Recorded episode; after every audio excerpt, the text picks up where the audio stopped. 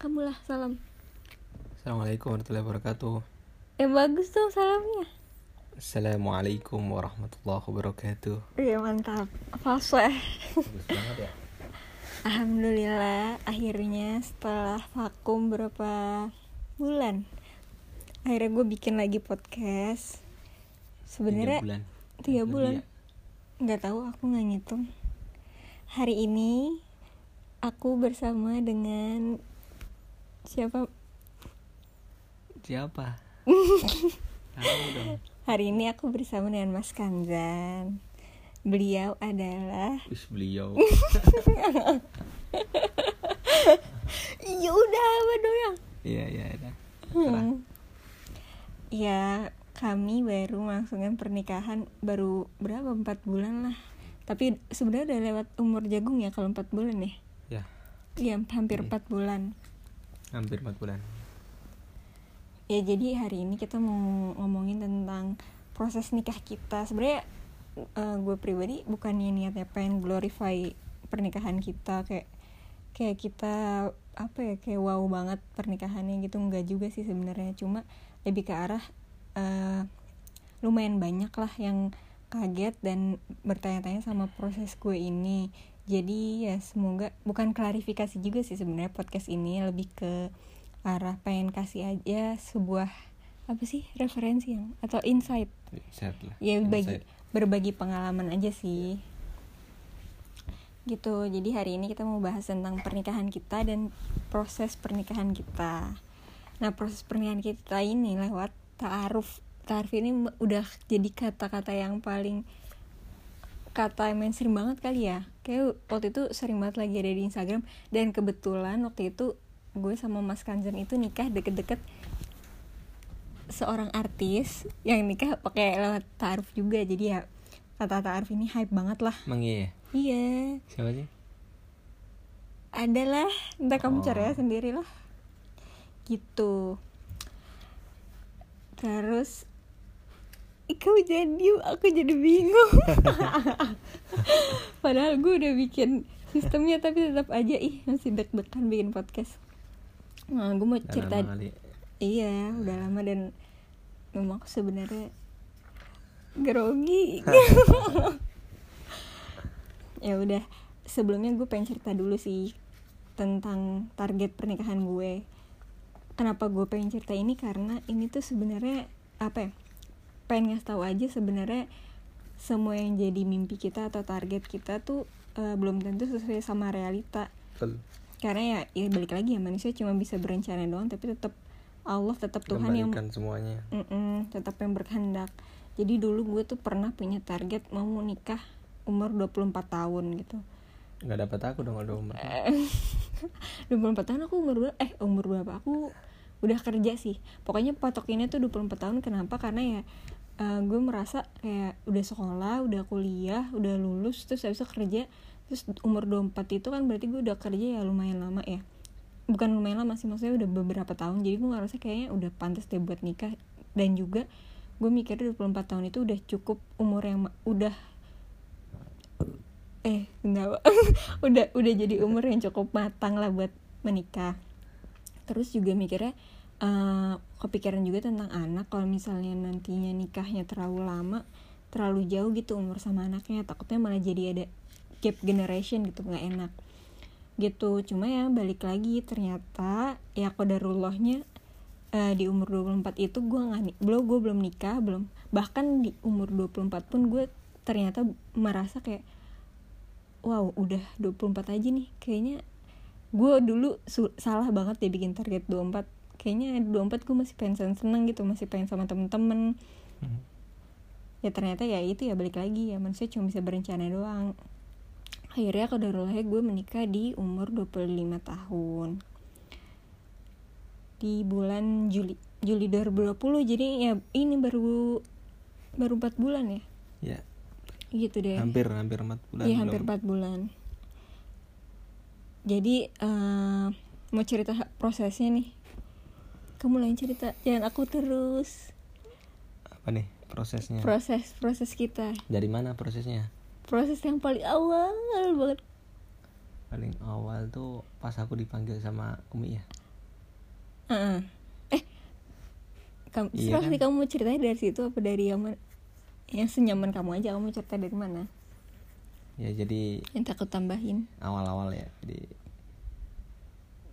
gue dulu dapat apa namanya? Jalan ngomongnya gue. Oh biasanya ngomongnya apa? Aku aku. Ya iya nggak apa-apa terserah. Ya udah aku aja deh. Hmm. aku dulu dapat eh han CV ya? Dulu CV ya? Kita kita sebutnya apa sih? Mm-mm, CV CV atau apa sih? CV ya? Mm-mm. CV-nya Hana itu sebenarnya udah eh, semingguan ya seminggu Hmm. sebelum hmm, aku jawab. Jadi Apa ada kita jelasin dulu ya jadi ada proses jeda. proses ta'aruf. Takutnya pada nggak ngerti. Oh ya ah, boleh boleh boleh. Jadi sebenarnya kalau ta'aruf itu asal katakan dari dari bahasa Arab ya. Ta'aruf artinya apa sih yang mengenal ya berarti? Ta'aruf ya ta'aruf itu ya perkenalan.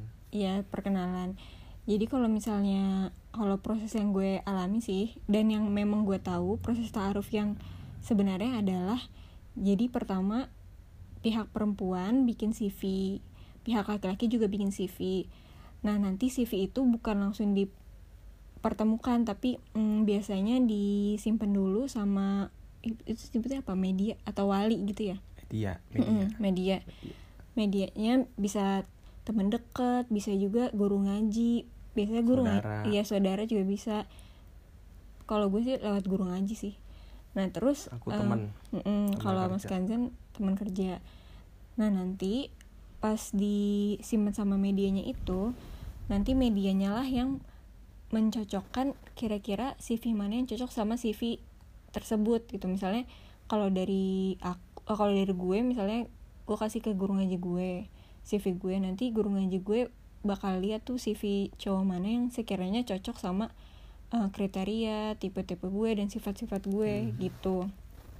Dan ini dulu tuh gue kebayang kayak wah berarti banyak banget tuh kumpulan CV ibaratnya kayak model gitu dijajarin. Nah ternyata sebenarnya nggak kayak gitu. Jadi jadi ya yang yang yang tahu CV CV itu cuma medianya doang. Makanya nanti eh, makanya Ya. Heeh, makanya kriteria memilih si medianya itu tuh harus pilih-pilih ya jadi orang yang bisa Hmm. menjaga rahasia dan bisa menjaga aib lah berarti gitu jadi bukan bener-bener eh, satu orang ditawarin ke semua orang tuh nggak kayak gitu jadi emang medianya itu tuh yang selektif juga ya yang Iya, selektif. Harus Heeh. harus selektif. Eh, jadi dari tahap pertama pun itu tuh udah udah ibaratnya udah ada udah ada penyaringan secara nggak langsung lah gitu nanti kalau misalnya misalnya nih CV gue terus ternyata guru ngaji gue lihat oh ada CV laki-laki A nih kayaknya cocok nanti baru CV gue dikasih ke eh, laki-laki tersebut.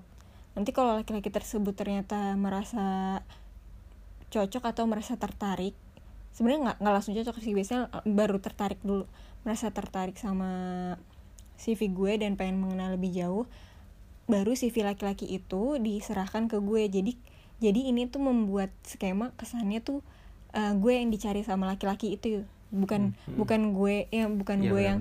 Nah, eh, ibaratnya bukan kayak gue nembak, gue sebagai cewek nembak cowok. Kan kalau kayak gitu kesannya nanti kalau ada kemungkinan untuk ditolak gitu ya yang ya. Heeh. Kalau ada kemungkinan ditolak itu kan jadi cewek itu kan baper ya. Jadi kalau ditolak tuh kesannya kayak apa ya merasa merasa rendah diri gitu. Tapi dengan skema ini dibuat seakan-akan si laki-laki itu yang mencari sang perempuan gitu. Nanti CV laki-laki itu diserahkan ke perempuan, perempuan ini tuh pu- punya hak bener-bener bebas banget. Boleh menolak eh, kecuali ini ya notesnya menolak dengan alasan syari juga ya. Boleh menolak boleh juga langsung menerima atau eh, masih mau pikir-pikir dulu gitu. Dan waktunya pun sebenarnya nggak dikasih. Nggak ada rules yang bener Batas. Mm-mm, nggak ada batas yang bener-bener kaku gitu. Harus seminggu harus sebulan itu sebenarnya enggak juga sih. Pokoknya Bahkan ada yang kadang-kadang Hmm. aku pernah punya punya kenalan tuh karena si perempuannya lama jawabnya gitu ya. Ada Hmm. laki-lakinya akhirnya udah apa namanya ibaratnya cut gitu. Itu ada ada Hmm. juga cerita kayak gitu. Nah kayak gitu juga sebenarnya nggak apa-apa asal pokoknya semuanya tuh dikomunikasiin jangan abis dikasih CV langsung kabur gitu jangan Mhm. atau malah abis dikasih CV langsung lewat jalan belakang langsung ngechat kan karena di situ biasanya ada eh, nomor hand, nomor handphone juga ya. oh ini juga jadi isi CV-nya tuh bukan kayak CV kerja ya yang harus ada portofolio atau misalnya kayak experience kerja udah di mana aja sekolah di mana eh sekolah di mana ada sih. Jadi CV itu tuh lebih kayak profil yang bener-bener detail banget tentang kita ya kayak tanggal lahir. Suka-suka suka-suka lo aja ibaratnya gitu. Mm-mm, mm-mm, lo mau ngasih apa gitu. Yang yang Iya. ingin yang ingin ditunjukkan sama kita tuh apa kan beda-beda ya. Kadang-kadang ada yang kerjaannya dirinci ada yang tanggal lahirnya dirinci apa kok tanggal lahir apa namanya Eh, riwayat pendidikan dia yang dirinci gitu. Ada yang dia nggak fokus di situ dia fokusnya di apa namanya isi apa eh, tentang keluarganya kemudian tentang masa depan visi misi dia. Nah itu jadi tergantung bebas sih sebenarnya tergantung orang-orang orang-orang beda-beda ya. Kadang ngerasa wih nggak usah lah aku nggak usah tulis-tulis riwayat pendidikan lah pok cukup aja aku sekolah di sini udah gitu aja selesai. Ada yang pikir seperti itu ada. Dia bebas banget sih gitu. Nggak ada yang terlalu di harus gini harus nggak ada plot-plotnya juga nggak ada Iya cuma biasanya sih rata-rata ini sih yang selalu nulis visi misi pernikahan tujuan oh iya pernikahan. maksud maksudnya gini plot iya ada cuman kadang-kadang konsen di banyak atau sedikitnya. Oh iya heeh. isinya itu loh iya. Iya jadi di situ juga ada keluarga ya. Terus sifat-sifat sifat-sifat dia terus hobi dia kesukaan dia terus ya itu kriteria. Jadi jadi taaruf ini tuh bukan bukan yang maksudnya gimana ya? Orang kan selama ini mikirnya ya udah yang penting sama-sama apa beriman bertakwa. Ya, maksudnya lebih kagak sebenarnya boleh banget kita cantumin di situ Ini. misalnya eh, eh, kriteria secara fisik pun tuh boleh Boleh, banget nggak apa-apa. Walaupun memang itu nggak jadi priority nggak jadi prioritas utama gitu tapi ya nggak apa-apa banget karena kan itu manusiawi ya. Gitu nah yang tadi Mas Kanzan bilang kan sebenarnya eh, nggak nggak ada patokannya banyak sedikit. Nah balik lagi jadi kalau misalnya kita tertarik bisa ke step selanjutnya. Nah di situ di step selanjutnya itulah kita bisa menggali lebih jauh gitu ya boleh lewat eh boleh lewat media. Maksudnya boleh boleh tanya-tanya lebih lanjut dulu lewat medianya gitu. Jadi biasanya step setelah melihat CV ini nggak bisa ketemu langsung karena eh, menghindari ikhtilat ya. Eh apa apa sih kalau berdua? Bukan ikhtilat. Halwat. Tuh ikhtilat. Ya menghindari halwat menghindari berduaan. Karena takutnya kalau berduaan mm, misalnya nih yang satu yang perempuannya udah jadi suka banget yang apa cowoknya itu kalau tuh berduaan kan? Apa sih? Berduaan di tempat yang sepi. Ya nah takutnya di situ nanti ada setan. Jadinya takutnya eh, misalnya salah satunya udah suka yang satunya nggak suka bisa jadinya ada baper di situ. Atau enggak malah dua-duanya udah keburu suka. Tapi jadinya eh, me- tidak mengindahkan apa sih syariat syariat ya Iya, syariat ibaratnya Islam. udah udah buka satu pintu nih hati-hati nanti pintu-pintu yang lain dibuka. Bahaya. Mm-mm. berarti gitu. Nah terus kalau misalnya udah step selanjutnya udah udah sama-sama yakin nah in- ini ya notesnya memang eh, pertemuan-pertemuan ini selalu ditemenin sama med- mediator. Nggak boleh berduaan. Kalau mediatornya misalnya terserah sih sebenarnya. Tapi kan nggak bisa halwat Me- mediatornya terserah. Oh mediator terserah iya. Nah nanti kalau misalnya udah merasa cocok eh eh apa sih? Aku mau ngomong apa sih? Oh, maksud aku oh itu maksudnya tadi tuh bisa nanya mediatornya tuh bisa lewat grup chat gitu-gitu. Nanti kalau misalnya udah lebih cocok maksud aku bisa itu nazor Iya. yang melihat langsung. Bisa nazor. Baru tuh bisa bertemu langsung bisa saling lihat muka. Jadi mm, apa? Nggak nggak nggak nggak apa sih bahasanya ya? Apa? Terjaga? Bukan bukan untuk untuk meyakinkan untuk mem- meyakinkan kita juga kan sebenarnya nazar itu tuh. Kalau kita bisa lihat oh orangnya iya. tuh. Mm-mm. oh iya.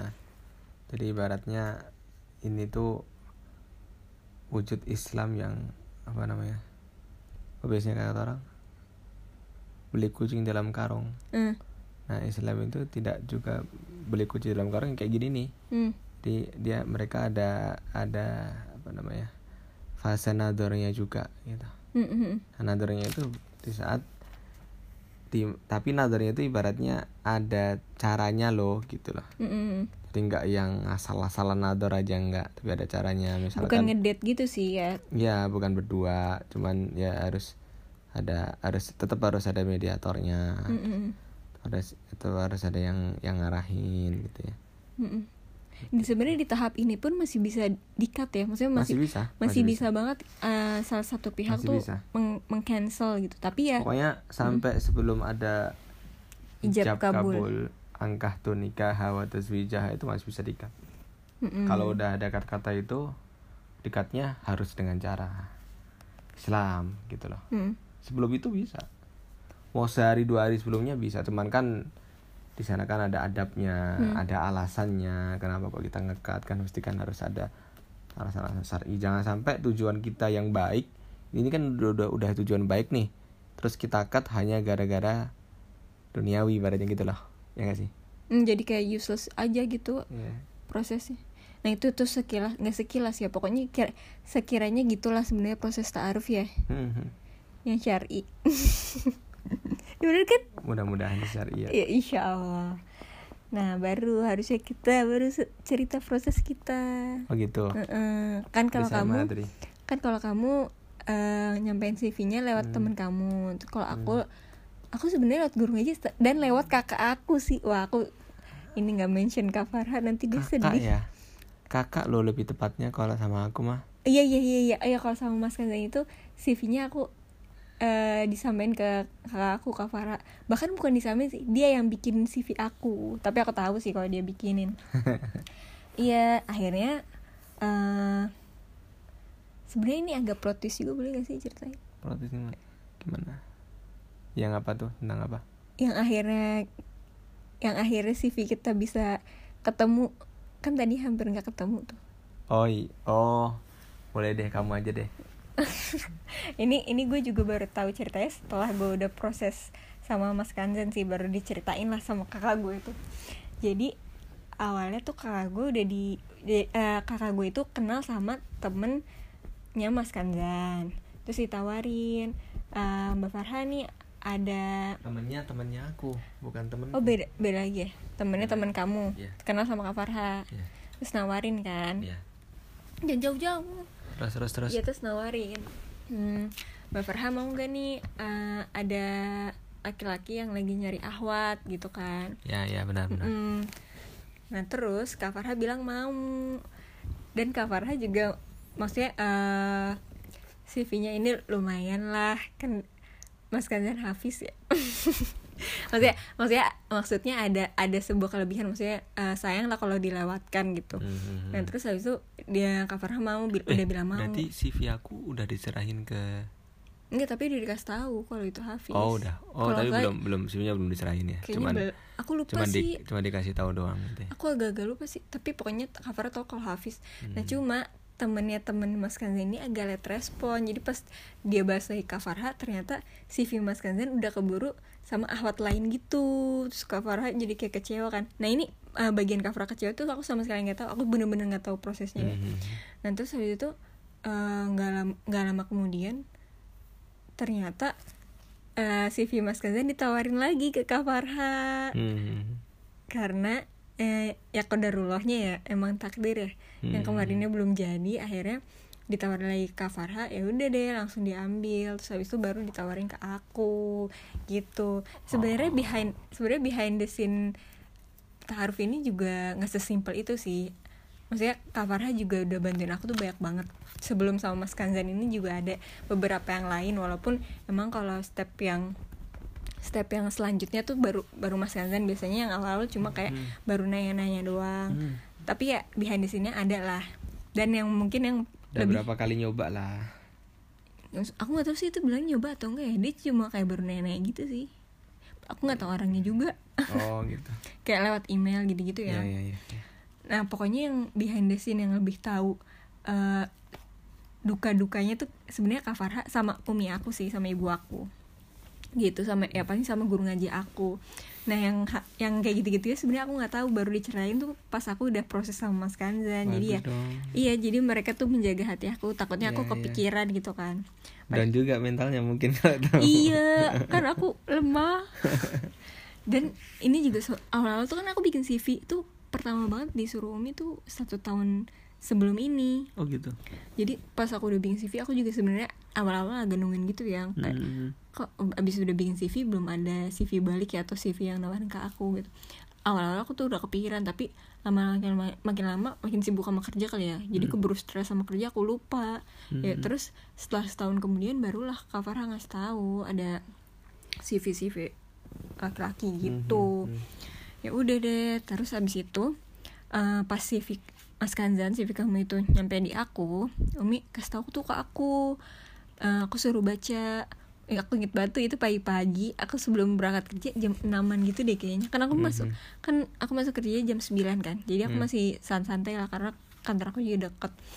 Ya udah masih lagi santai tuh di kasur. Abis itu tiba-tiba Umi nyamperin masih Ih, aku ngomong kayak ngomong berdua ini bukan podcast ya udah nyamperin habis itu aku suruh baca CV kamu terus aku baca baca. Baca awalnya tuh aku kayak takut banget gitu loh. Buk- bukan takut sih lebih kayak jiper gitu gue karena pas baca baca wah anak pondok pesantren wah hafiz wah hafal hadis apa apa sedangkan gue yang begini.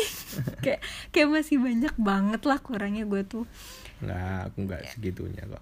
tapi kan di CV-nya gitu.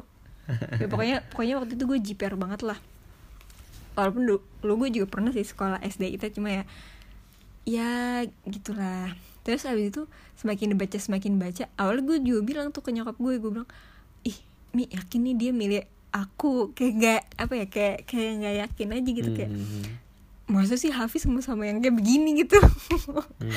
terus abis itu pas gue baca gue baca makin ke bawah jadi kan makin ke bawah makin bawah tuh biasanya lebih ke de- mendetil ya lebih ke keluarga terus sifat-sifat dia terus tipe-tipe dia kriteria dia Eh, pokoknya tujuan menikah Ya, dan ya, ya. mm-mm, bahkan ada yang nerangin sampai kayak eh, setelah menikah mau ngapain gitu-gitu kan Aku juga nerangin kok. iya kamu juga nerangin Juga. nah pas aku baca itu tuh eh, pas gue baca itu tuh gue ngerasa eh, sebenarnya kayaknya apa ya biasanya selama ini kan aku sel- selalu punya stereotip eh, punya punya image kalau misalnya Hafiz tuh kayak orangnya tuh saklek lah ibaratnya gitu.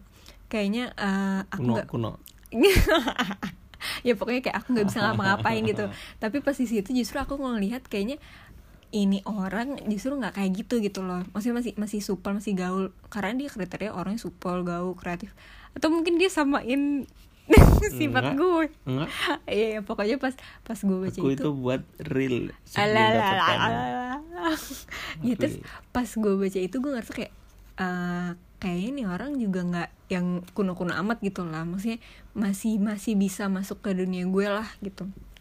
Ya udah baca tuh kira-kira 10 menit kurang kali ya. Pokoknya ya udah sambil ditemenin umi abis itu ya udah. Terus abis itu nyokap gue nanya gimana nak? Sebenarnya nyokap gue nanya ya kayak ya udah nggak harus buru-buru gitu terus gue tiba-tiba coba bilang aku langsung bilang oh ya udah ya udah apa nih gitu ya udah coba aja nah pas aku bilang ya udah coba aja tuh aku Ah. aku kira nggak secepat itu juga prosesnya Ya, ya, ya.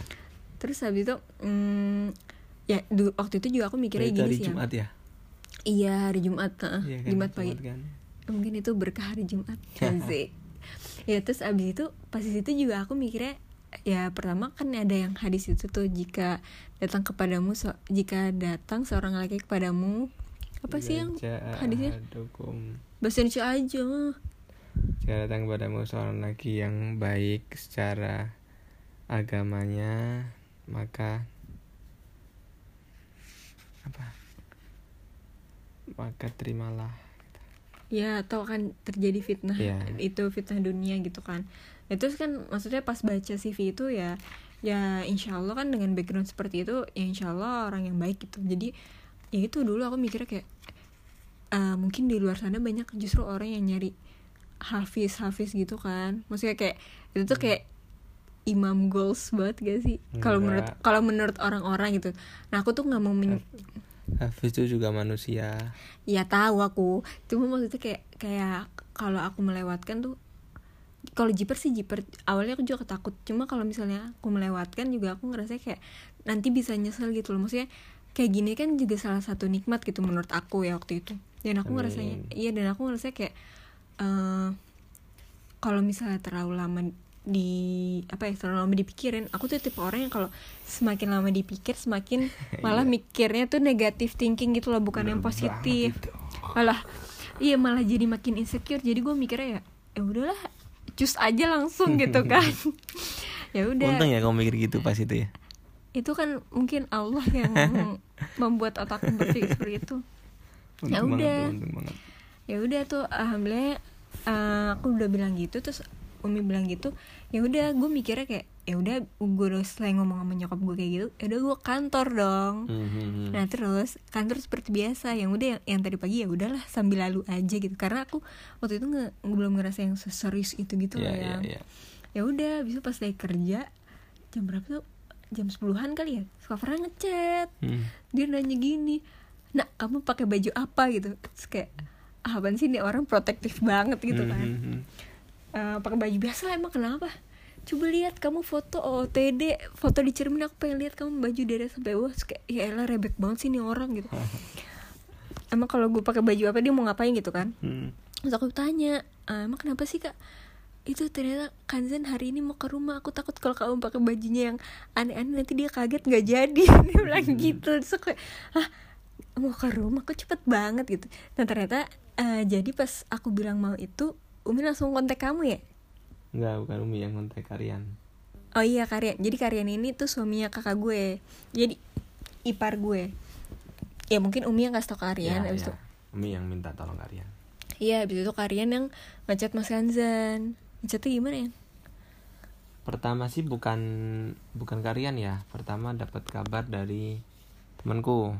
temenmu apa temannya temenmu Temanku, temanku, Hmm. temanku dari temannya temanku ini. Oh, jadi ribet ya. ya pokoknya intinya pertama itu Hmm. ya jadi aku eh ditelepon tuh pas itu aku pas Hmm. aku pas aku pasti ngajar deh pas itu tapi Si lagi di, ngajar. itu kan di kafe di Mm-mm. kafe. aku aku pas ngajar ditelepon sama sama teman eh, temanku ini bilang ini uminya mau ketemu gitu Hmm. yang gitu Mm. kaget kan aku kan Mm. uminya Hana mau ketemu cepet Hmm. banget tapi kamu pas eh, pas lihat CV aku itu udah berapa hari? Seminggu. Oh. Seminggu. Terus abis itu baru, baru ditawarin dikasih aku tuh seminggu. abis itu baru dikasih ke aku ya? Atau mungkin itu diseleksi dulu sama Umi sama Abi sih. Biasanya dibaca-bacain dulu kan sama Enggak, orang tua. Eh, aku itu dapet CV dari temanku CV, CV kamu. Hamin tujuh sebelum aku baca CV kamu gitu? Iya. Hmm. terus kamu deg-degan gak nungguin deh biasa aja sih enggak ya. enggak. Enggak dalam dalam seminggu itu aku masih istikharah dulu. Oh. Dalam seminggu itu aku istikharah dulu. Bener nggak sih orang ini gitu ya? Hmm. kalau aku sih terpenting kalau aku ya kalau aku terpenting itu orang tua gitu. Hmm, Dari- ya. dari dulu dari dulu dari masalah apa pun juga. Hmm. karena aku ngerasa aku bisa kayak gini tuh karena orang tua loh gitu lah. Mm-mm. aku bisa dapat ini semua semua itu karena orang tua. Dan kalau kalau kita mau ini eh, kita mau kembali kepada itunya ya apa namanya eh, kehidupan ya Hmm. ibadah kepada Allah itu kan pertama ya pastilah yang kedua itu kan ibadah kepada orang tua Hmm. jadi kalau aku prinsipnya dalam apalagi dalam masalah pernikahan yang ini sangat Sakral. sakral banget menurutku ya sekali seumur hidup lah ibaratnya Insya Allah. amin nah itu nggak akan eh, nggak akan tanpa ridho beliau jadi aku dapat mesti aku aku selalu lakukan itu. Aku dapat dari temanku tek aku serahin. Aku baca sekali. Aku nggak akan baca dua kali. Aku baca Oh, gitu? sekali dari awal sampai akhir tapi bacanya cep- eh, bukan cepet-cepet ya bacanya pelan dari awal sampai akhir semua. Berat habis itu pertama kali saya aku share ke eh, ayah aku share ke umi langsung. Hmm. mereka berdua harus tahu gitu. dan aku minta pendapat mereka. Hmm. gimana menurut ayah dan umi perempuan ini Hmm. itu yang Iya. pertama jadi nah pas masa-masa itu alhamdulillah ayah umi was orang yang sangat apa namanya terbuka dalam hal ini berpikirnya berpikirnya sangat-sangat terbuka banget Gak bikin ribet ya. ya dan mereka mereka bilang ya baik orangnya Hmm. dari CV-nya baik gitu orang tuanya juga baik Puji aku, puji Udah. aku. selesai gitu ya udah cukup itu kemudian itu aku kemudian aku, aku terus kemudian aku aku langsung sholat istikharah Hmm. jadi sholat istikharah itu datang kalau sholat istikharah itu kita lakukan kalau kita sudah memantapkan hatinya gitu Hmm. ibaratnya aku udah yakin nih setelah aku sendiri mau dan juga orang tua mau aku sholat gitu Hmm. istikharah pertama untuk meyakinkan dengan Allah Hmm, terus? dan istikharah lagi yang kedua. Aku aku lupa aku tiga kali atau empat kali aku istikharah itu. Dalam seminggu itu ya. Karena Wow. karena istikharah itu kan nggak nggak nggak itu ya. Kalau menurutku ya kita mau minta sama Allah kita mau petunjuk, petunjuk sama Allah ibaratnya gini loh. Aku ngibaratin gini eh, kita mau minta sama orang tua aja kita harus bantu mereka dulu. Jadi kita Oh, kita dulu pas berarti pas zaman kayak kecil lah gitu kayak gombal. gombal kalau caper ya cari perhatian lah. Mm-mm. cari perhatian Allah dulu lah. Ya eh, itu amalan dibaikin semua. Bukan ibaratnya kita baik cuma di hari itu doang ya teman. Pas itu bener- bener-bener nih. Sem- semua lah. Pokok- pokoknya kalau aku pas itu juga puasa kalau bisa puasa juga gitu ya. Posisi siap nih. Habis itu baru kita istikharah Mm-mm. Nah dan dan istikharah itu kalau aku kan alhamdulillah eh eh, pernah pernah mendapat kesempatan untuk ngafal juga ya. Jadi istikharah itu dengan langsung ya Allah saya minta ya Allah kasihlah saya petunjuk ini dengan orang ini enggak tapi ada pengantarnya dulu. Allahumma ini astakhiruka bi ilmi wa, wa astaqdiruka bi qudratik panjang itu sampai akhir nanti. Istihor. Ya, eh, pengantar sebelum istikharah. Hmm. Jadi kita puji ya Allah. Allahumma ini astakhiruka bi ilmik. Aku beristikharah dengan ilmumu ya Allah. Hmm. Wa astaqdiruka bi qudratik dan aku minta takdir dengan takdirmu ya Allah. Jadi Hmm. ibaratnya kita betul-betul pasrah itu. Jadi itu pengantar itu untuk menunjukkan kepasrahan kita kepada Allah Subhanahu wa taala. Nah, udah udah pasrah kan? Baru habis itu masuk kepada istikharahnya.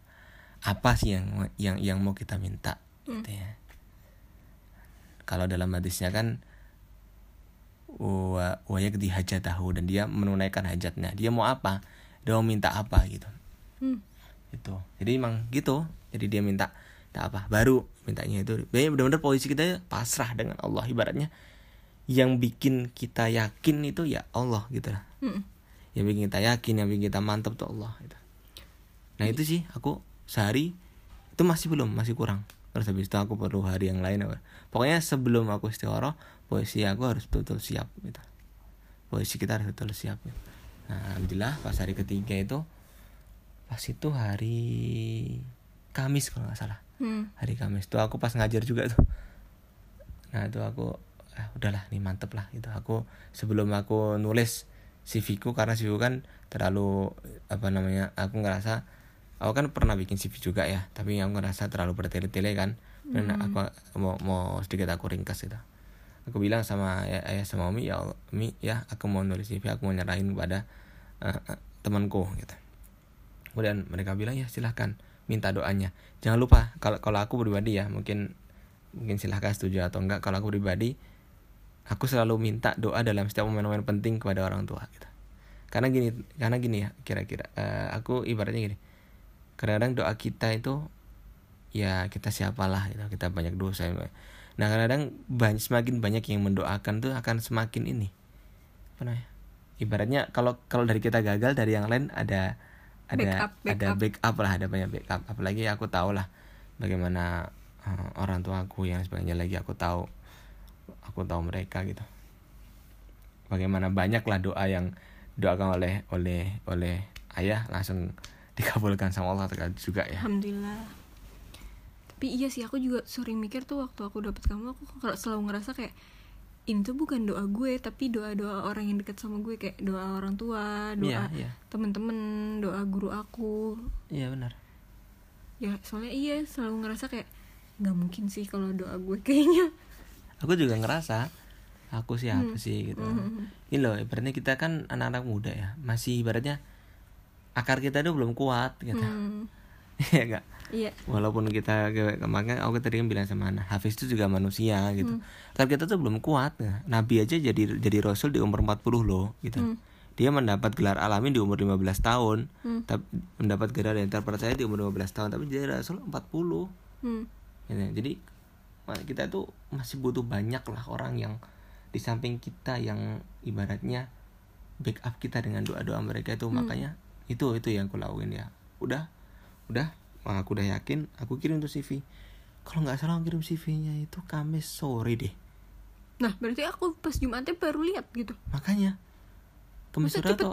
Kamis sore atau Kamis siang deh aku lupa Seingat aku ya aku kirim CV makanya aku Maksudnya ngerasa banget. kamu kamu lihat CV aku dulu baru kamu kamu revisi ulang CV kamu atau gimana sih? iya iya iya Oh. Jadi aku lihat CV kamu kan, aku sepakat. Uh, Aisyahnya sebenarnya ya tadi kan prosesnya tadi kan. Terus Habis itu eh, Oh ya. I di hari. Kamis Kamis sorenya itu aku ngirim. Aku ingat ingatku Kamis sore sebelum masar nggak salah. Mm-mm.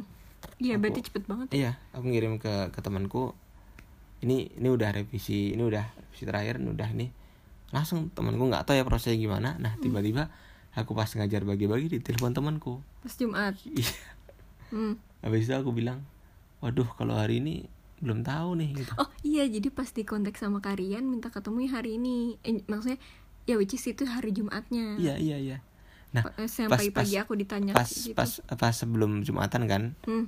temanku yang telepon kan nah setelah jumatan Karian yang telepon Hmm. jumatan Karian yang telepon Hmm. di chat pertama kali dan aku bingung habis itu wah gimana nih sekali lagi aku ya eh, Bismillah lah gitu ibaratnya ya Bismillah Hmm. terus sempat aku eh, berangkat sendiri atau sama sama Mikir-mikir, masih mikir-mikir. sama temanku gitu ya terus udahlah berangkat sendiri aja gitu Hmm. ibaratnya nah pas itu janjian sama kalian harusnya kan sore ya Hmm. karena sore umi nggak bisa dan bis maghrib bis maghrib bis maghrib ya Iya kan awalnya umiku bilangnya minta ketemunya sore. Hmm. Eh kamu minta ketemunya sore. ya ya Tapi ternyata umiku nggak bisa sore. umi mintanya siang deh kalau nggak salah Iya umi minta siang, habis itu kamu nggak bisa, kamu Hmm. nawarin sore terus umi yang nggak Ya, bisa. iya Terus ya udah akhirnya pengennya maghrib kan. hmm, maghrib Heeh. Cuma- Cuma itu eh, ternyata pas maghrib itu hujan. dan dari seluruh lumayan Eh, terus umi juga udah bilang ah hujan deh kalau misalnya ini orang nggak niat ibaratnya nggak nggak nggak yakin banget Mhm. pasti bisa jadi excuse kayak "Eh, maaf bu eh, hari ini hujan mungkin di, bisa dari schedule bisa aja kan Mhm, ngomong kayak itu mhm. tapi ternyata dia datang karena deket juga ya Enggak, kalau aku mikirnya bukan deket sih janji. Asik. Karena kan ibaratnya eh kita diajarin ya kalau janji itu kan jangan jangan cepet-cepet berjanji. Maksudnya jangan sering-sering berjanji, tapi sekali berjanji kita itu ibaratnya kayak ini udah udah apa namanya yang betul-betul harus kita apa ibaratnya kita tunaikan tunaikan gitu loh janji itu harus benar kita tunaikan gitu. Makanya aku aku udah janji apalagi nih janji dengan orang tua gitu loh. Bukan janji dengan temen loh bukan orang tua. Kita janji dengan dengan dengan aku janji janji dengan Umi sama Binya Hana gitu lah. Makanya harus betul aku tunaikan gitu. Walaupun toh hujan kayak gitu mah nggak nggak masalah. Datang pas datang tanggal aku 3 Juli itu tanggal ya. 3 Juli Mm-mm. pas datang aku malam-malam itu ini versiku ya Mm. datang malam-malam basah Duh, duh, duh. karena aku Iya, tuh kan males itu pakai ma hujannya lumayan iya, ya. lumayan lumayan Mm. basah kan aduh basah nih gimana nih Mm. habis itu mau masuk ternyata diminta ganti sama Abi dikasih Mm. dikasih baju sama Abi dari situ itu apa kesan pertamaku dengan Abi luar biasa First impression ya jadi aku belum kenal beliau beliau orang yang ibaratnya beliau orang tua gitu loh Hmm. tapi beliau mau ngasih aku gitu loh ibaratnya gitu walaupun pas saya itu bajuku mm, oke lah basah cuman masih bisa dipakai lah bukan yang basah Oh, yang iya, iya, iya. basah yang basah kuyup gitu Hmm. enggak enggak tapi Abi tetap tetap tetap maksa aku aku udah bilang sama Abi "Eh, udah ini aja pak gitu aku bilang gitu ya Hmm. kemudian udah dah pakai pakai ini pakai ini nggak dipakai kok Gitu. Iya, Saya baju adikku. iya gitu aku pakai abis itu langsung aku pakai masuk aku jadinya maksudnya pakai itu Hmm. padahal aku udah pakai kemeja rapi tuh jadinya pakai Sih di kaos double gitu ya. enggak lah kaosnya Hmm. kemejanya basah Gogol udah dandan. Iya terus Gitu. abis itu pas tanggal 3 Juli itu akhirnya alhamdulillah ketemu tuh malam itu. Ketemunya nggak sama aku ya yang? Enggak enggak enggak ada aku tapi aku di kamar. Aku nggak tahu kalau ada kamu. Umi sama Abi nggak tahu. Enggak kasih ya tahu. jadi di ruang tamu cuma kamu ketemu sama Umi sama Abi doang. Dan di sana yang ditekanin sama Umi sama Abi aku ingat banget beliau menanyakan sama aku apa yang perlu kamu tahu tentang Hana? Gitu. Jadi jadi Umi sama Abi itu oh maksudnya kayak gimana cara mendekatinya gitu? enggak enggak enggak lebih ke arah kamu perlu perlu tahu apa lagi tentang Hana supaya supaya yakin gitu oh ya ya ya ya, ya. nah, jadi penekanannya penekanannya di arah Mm-mm. itu Hmm. jadi karena aku ingat banget tuh Umi dulu bilang eh, Umi bilang hmm, ini orang yang paling dekat dengan Hana loh gitu loh Hmm. silahkan tanya apa yang mau kamu tahu itu dan insya Allah kita amanah Hmm, hmm. ya udah habis itu ya aku tanya yang perlu aku tahu apa aku tanya semuanya dan aku juga nggak mau dong dari sisi aku aja aku minta sama tanya sama Umi sama Abi yang perlu Umi sama Abi tahu tentang aku apa yang perlu Hana tahu apa ya nggak? iya jadi terus pas Umi ke belakang ya kalau Mm-mm. salah ya pas itu ya iya umi nanya ke aku kamu mau nanya apa aja nak gitu Hmm. itu sih aku nanya mau poligami so aku, aku nanya apa lagi yang rokok cadar kayak gitu-gitu sih oh iya Iya. jadi jadi walaupun gua nggak ikut ngobrol di depan tapi gue tuh boleh banget nitip pertanyaan Mhm. iya la- dan lagian gue juga bisa nguping sih di di belakang terus terus abis itu udah ya abis itu habis ya itu udah alhamdulillah pas hari itunya lancar tapi di situ tuh Abi udah sempet kode-kode gitu kan ya gimana kode-kode yang apa akad mau langsung gak gitu kan oh iya iya ha. iya di situ Abi udah langsung kalau ya kalau memang emang ya bapak kalau saya. kalau memang baik kenapa nggak oh disegerakan iya bahasa Abi gitu. Ya. jika niat baik de- ya karena emang alhamdulillahnya tuh dan aku tipe yang tertantang gampang tertantang. Oh, itu hmm. kadang-kadang. Wah aku let's accept it. Wah ini kalau kayak gini ya udahlah. Aku bilang lu jual gue beli. Semi, seminggu atau dua minggu ya? Aku bilang dua minggu ya dua minggu dua minggu ya khidbah gitu ya bukan bukan. Gimana sih? Jadi kan kalau emang bokap gue itu tuh orangnya ya emang gak suka bertele-tele gitu kan. Hmm. dan emang alhamdulillahnya keluarga gue itu orangnya nggak nggak terlalu ribet sama hal yang gak penting gitu loh. Maksudnya Hmm. nggak apa sih yang kan banyak ya kalau ya banyak yang orang tuh terlalu bersyarat nikah apa apa, apa. sebenarnya ya nggak ya terserah keluarga masing-masing sih sebenarnya. Ah udah lama emang. Ya udah ah males aku kata terus terus Iya banyak kan orang kayak keluarga kayak itu Cuma kalau keluarga gue alhamdulillahnya banget. Itu salah satu nikmat juga sih. Maksudnya asal yang dasar-dasarnya udah oke ya udah kenapa harus dilama-lamain gitu kalau Mhm. kenapa nggak disegerakan aja? Balik lagi sih karena kalau dilama-lamain malah jadi banyak setannya. Apalagi ya ya ya. nikah itu kan setannya paling gede ya katanya. Ya. Iya ya udah. Dan kebetulan orang tua dan keluarga Mas Kanzan pun begitu gitu. Jadi alhamdulillah semua lancar. Terus itu Mas Kanzan bilang kamu bilang dua minggu karena ayah mau ke sini. Ya oh iya. Ayah Pas- emang kebetulan emang rutin kan ke Jakarta. Ya. oh ya Mas Kanzan ini keluarganya di Solo. Emang eh, dia itu asalnya Asli. dari Solo asli Solo. Aku Ta- ngerantau. Mm-mm, merantau. Tapi ayahnya itu rutin setiap uh, bulan. Sebulan. Sebulan sekali itu Sekali. ada eh, ngajar ke Jakarta kayak gitu. Dan dan makanya Mas Kanzan bilang bertepatan dengan itu dua minggu. Kamu bilang sebenarnya mau ketemu ayah doang kan ya bukan? ya Heeh.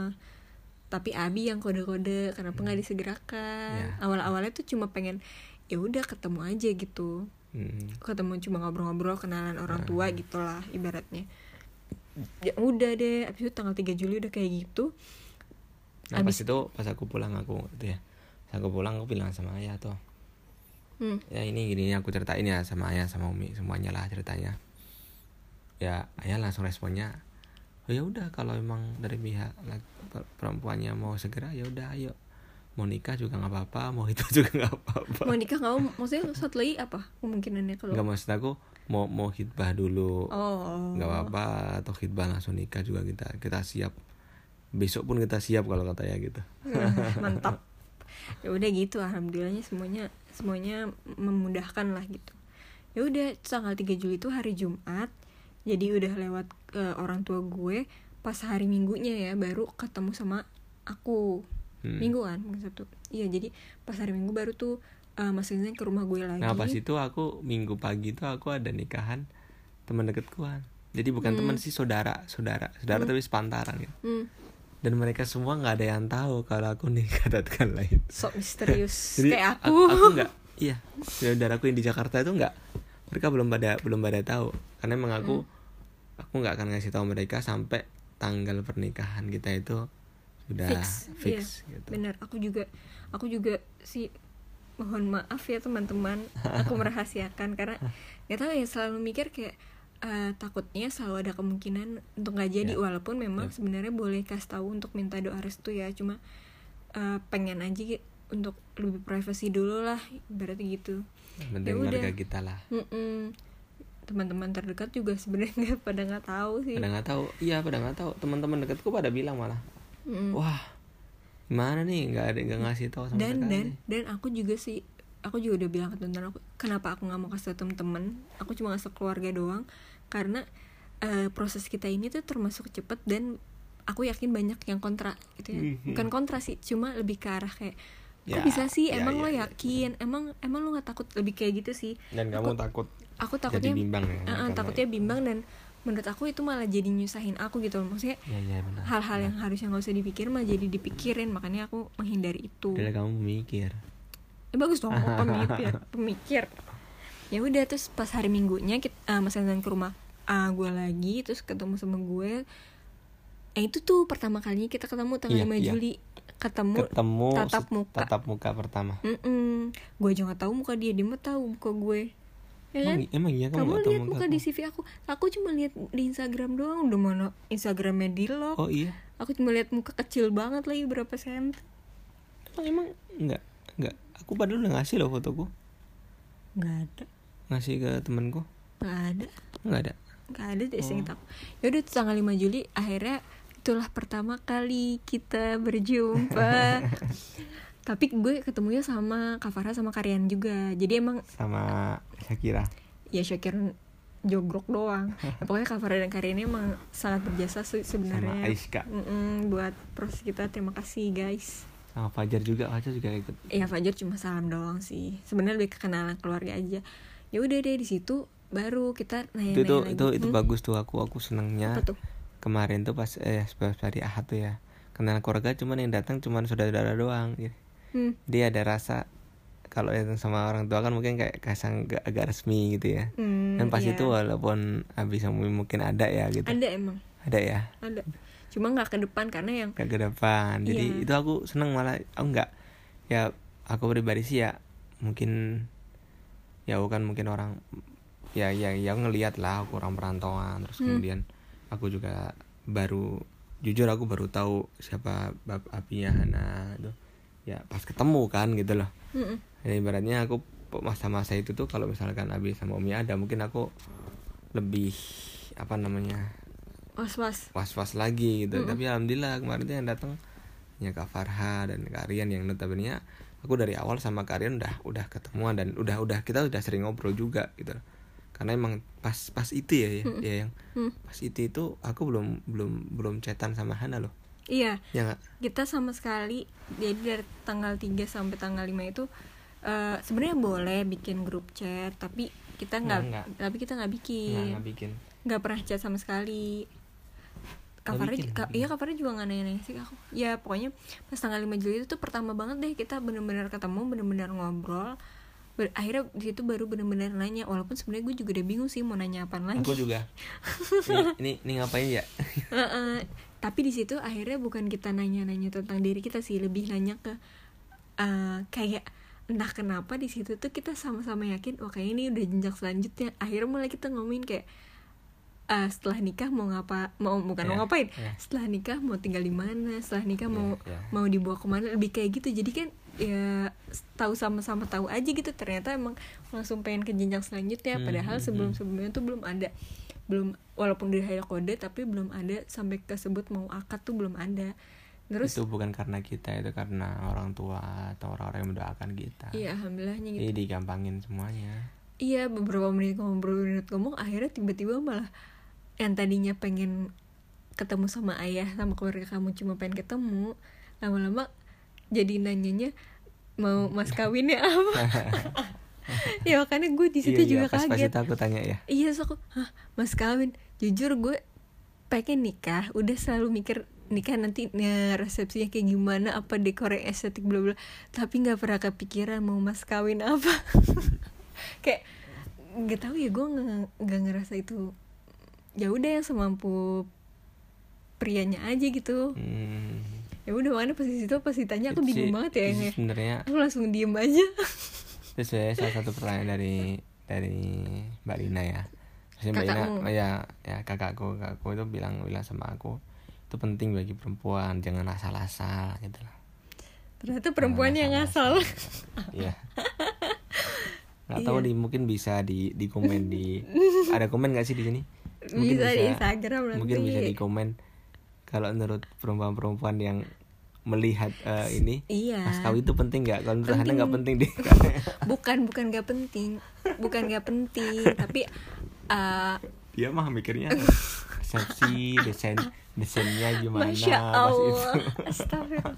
Nggak penting-penting Kalau untuk perempuan biasanya mereka ngerasa kayak Iya, Ibaratnya gini iya. yang kayak Dia dihargai Iya, segimana iya. gitu. Bukan bukan iya iya dihargai ya dihargai segimana Mm-mm. Cuma kalau aku mi- mm, Iya nggak tahu Aku emang nggak berpikir di saat itu ya udah pokoknya gitulah Nah terus eh ya udah lama kelamaan ngobrolnya makin makin mengerucut makin mengerucut sampai akhirnya di situ kesebut deh tuh tanggal Ya. pas tanggal 19 Juli mau ayah sama keluarganya akhirnya nggak ayah doang akhirnya sekeluarga Keluarga. pada mau datang ke rumahku mau melangsungkan akad. Di situ udah bilang belum sih mau mau mau eh bukan mau melangsungkan lupa. lamaran. Aku lupa. Dibilang mau Hitbah. hitbah dulu. Hitbah, kayaknya waktu itu nggak dibilang mau akad iya deh. iya. Kelihat- kelihatannya belum. Baru hitbah cuma mas Kanza nanya mas kawin karena emang pengen menyiapkan karena kita Iya. emang sama-sama tahu abis hitbah udah pasti akad gitu nggak. Saya kecil banget kemungkinan untuk kita saling menolak tuh udah udah kecil banget. Karena kita ngelihat orang tua juga ya yang sama-sama mendukung juga. Iya ya udah terus abis itu eh udah selesai ahadnya itu kapan ya? Dibilang mau akad ya? Aku juga jadi lupa deh. Pas itu Abi yang nawarin. Oh iya makin lama makin lama akhirnya ditawarin tuh sama Abi Mas Kanzen mau nggak sekalian akad Iya. terus akhirnya mau ya udah tuh di situlah dimulai pertarungan kita mengejar deadline. Jadi dari tanggal yang 5 Juli terus beberapa hari kemudian akhirnya diputuskan mau akad akadnya di tanggal 19 Juli. Pokoknya kurang lebih kita tuh nyiapin semuanya cuma Pokoknya dua itu minggu. cuman cuman dipasin pas ayah ke Jakarta gitu doang iya pokoknya pokoknya harus pas nih mumpung ayah lagi ke Jakarta gitu. Ya udah habis itu dipasin tanggal segitu. Jadi kita ngurus semua berkas terus acara pernikahan itu tuh dalam dua minggu. Aku tuh juga aku Ngurusin kerja. desain juga. Ya desain ya dekor udahlah. dekor ya dekor. Nah, iya pokoknya semuanya sih aku langsung mengandalkan teman-temanku udah dan pokoknya. dan aku tidak mikir itu. Iya yang mikirin keluarga kamu doang. Tapi kan di saat itu kita juga mikirin berkas. Tapi soalnya gini aku mikir gini kalau aku ikut campur nanti malah nggak sesuai dengan oh dengan- iya. kan kan Hana kan iya betul Hana sih. kan desainer. Hmm. itu udah bagian bagian Hana. Kalau iya. kalau aku ikut campur di sana ya aku misalkan warnanya mau apa jadinya malah kayak tapi iya sih yang. Ya aku kan, bersyukur kamu, kamu- nggak ikut campur. kamu kurang karena biasanya mohon maaf nih ya mohon maaf nih biasanya perempuan tuh kan bis, lebih banyak yang diituin kan yang dimau kan jadi kita ya ya Hmm. udahlah yang penting kalau kita kalau aku mah mikirnya yang penting jadilah gitu.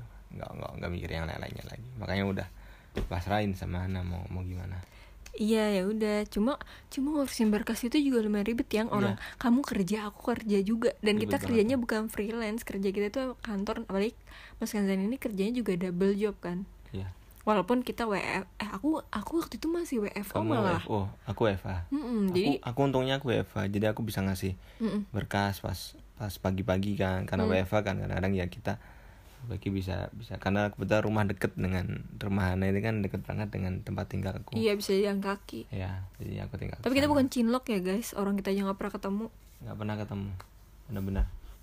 Padahal aku aja nggak pernah aku nggak pernah ketemu sama orang tua sama adiknya Hana yang iya laki-laki karena pada nggak keluar pada Pada- ansos. padahal enggak padahal kan sholatnya di masjid yang sama. aku emang kamu dari masjid yang ini? Enggak maksud aku aku juga masjidnya kan di Logi- sini kan. logikanya ya? Masjidnya di sini. Walaupun mu- aku sholatnya di musola kan. Aku kan jadi imam di di sono di musolanya itu.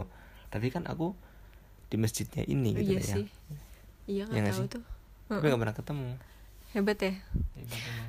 iya terus apa tadi aku mau iya terus aku tuh inget banget waktu itu tuh aku WFO tapi sebelumnya sempat WFH dan waktu WFH itu aku bener-bener stres banget kerja Hmm. yang terus tiba-tiba aku tuh waktu itu mikir ya Allah stres kerja udah nggak ada tapi malah digantiin stres ini gitu loh. Mhm. stres ngurusin berkas itu lumayan banget. Aku kerja aku kan juga padat juga ya maksudnya banyak deadline tuh aku udah pusing banget. Terus Iya, sekarang jadi harus ngurusin berkas-berkas ya udah jadi masuk siang. Terus, eh Mhm. kayak sempet cuti juga eh nggak nggak sempet cuti Pa- eh, paling masuk siang doang. Itu tuh jadi bolak-balik ke puskesmas apa-apa iya. cuma ya walaupun memang karena kita berkasnya harus ya ngurus-ngurus iya. kesehatan cek kesehatan Heeh. juga. di kantor juga aku tuh jadi sering banget megang HP aku kan orangnya sebenarnya nggak terlalu sering megang HP ya. Maksudnya kalau di kantor udah kerja kerja. Tapi sekarang tuh jadi megang HP kayak makan siang juga aku jadi agak nggak apa ya nggak fokus Iya, Nggak nggak in the moment. Iya biasanya kan aku ngobrol sama temen-temen aku, aku tuh malah jadi jadi jadi jadi pendiam lah ibaratnya. Karena aku megang handphone tuh ngurusin dekor lah, apa apa gitu.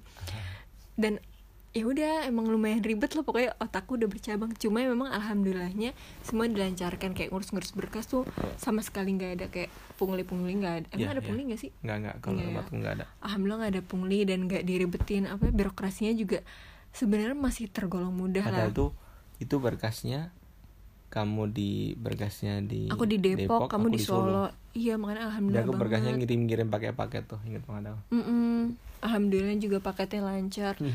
dan aku juga berterima kasih banget sama teman-teman aku yang udah bantuin dari dekor, fotografer. Emang sih aku udah sebenarnya juga udah ngetek ngetek kayak nanti kalau gue nikah maunya pakai ini, pakai ini, pakai. ini." Tapi itu pas eh, pas udah hari H ya, ya udah yang kepikiran yang teman-teman yang sekiranya udah cocok style sama aku, aku nggak perlu nge-briefing, nge-konsep ribet-ribet lagi, mereka udah ngerti mau aku. Ya udah aku langsung kontak mereka aja. Dan alhamdulillahnya juga mereka suportif dan apa ya ya itu tuh bener-bener apa ya sebuah kenikmatan banget kita tuh dikasih dikasih kelancaran. Dan ini tuh selama covid gitu loh. Ya. Maksudnya eh, waktu itu aku tuh belum ada referensi nikah nikah pas covid, Covid, keluarga aku ya. tuh belum eh, keluarga besar aku tuh nggak ada yang nikah pas lagi covid gitu. Jadi aduh gimana nih nikahnya juga di rumah? Aku Iya. tuh mana pernah kepikiran nikah di rumah gitu kan. Cuma ya udah kalau darulah kayak gitu dan ternyata banyak hal yang bisa disyukurin juga gitu sih. Ya udah tuh udah hektik hektik menurus itu akhirnya ya udah deh datanglah ke tanggal 19 Juli. Mas Zanzan datang terus hitbah dulu. Ya kita bikin live juga ya. Live. Iya tapi so live nya artis nggak banget. ke nggak save lah Instagramnya. Ya udah tuh jadi awalnya pas di rumah gue tuh hitbah dulu setelah hitbah baru eh, dilangsungkan ke akad. Jadi nggak ada resepsi langsung? Eh, makanan pun dibawa makanan box makan siang tuh langsung dibawa pulang. Jadi di situ tuh karena benar-benar pas itu protokol covid masih lumayan. belum ya. Eh, maksudnya belum belum terlalu ketat tapi nggak nggak tapi udah lumayan banyak kasus ya justru karena nggak ada protokol yang terlalu jelas makanya kita Oh, jadi iya. berhati-hati banget gitu Iya waktu itu masih masih masih apa simpang siur ya protokol lah gitu.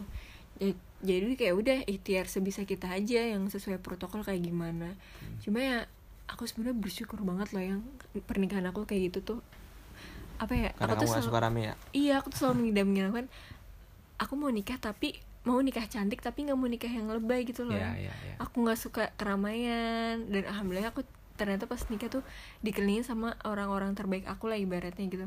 Dan aku juga kayak misalnya se- sekecil kayak gaun oh pernikahan. mah yang penting fotonya bagus ya Iya betul. Jadi ini salah satu tips ya buat kalian yang pernikahan on budget atau harus buru-buru. Yang penting fotografer itu paling the best. Karena dia yang pintar mencari angle, jadi dekorasi seminim apa pun, acara seminim apa pun, dia tetap bisa menangkap momen dengan baik. Nah kayak hal sekecil kayak gaun pernikahan aja yang aku kayak gak suka tuh gaun pernikahan yang terlalu pernikahan gitu. ya karena emang kamu kayak gitu. Iya, makanya aku juga malah aku tuh pakai gaun lamaran sebenarnya. Orang pakainya buat lamaran aku malah pakai buat nikah ya bodoh amat. Dan untung kamu nggak untung aku nggak ngerti yang seperti itu ya. Ya kan kamu terima jadi. Ya udah gitu deh alhamdulillahnya semuanya ala kulihal dilancarkan oleh Allah. Terima Tapi kasih juga buat doa doanya semua. bukan apa? Nggak nggak juga sih nggak jadi. Yo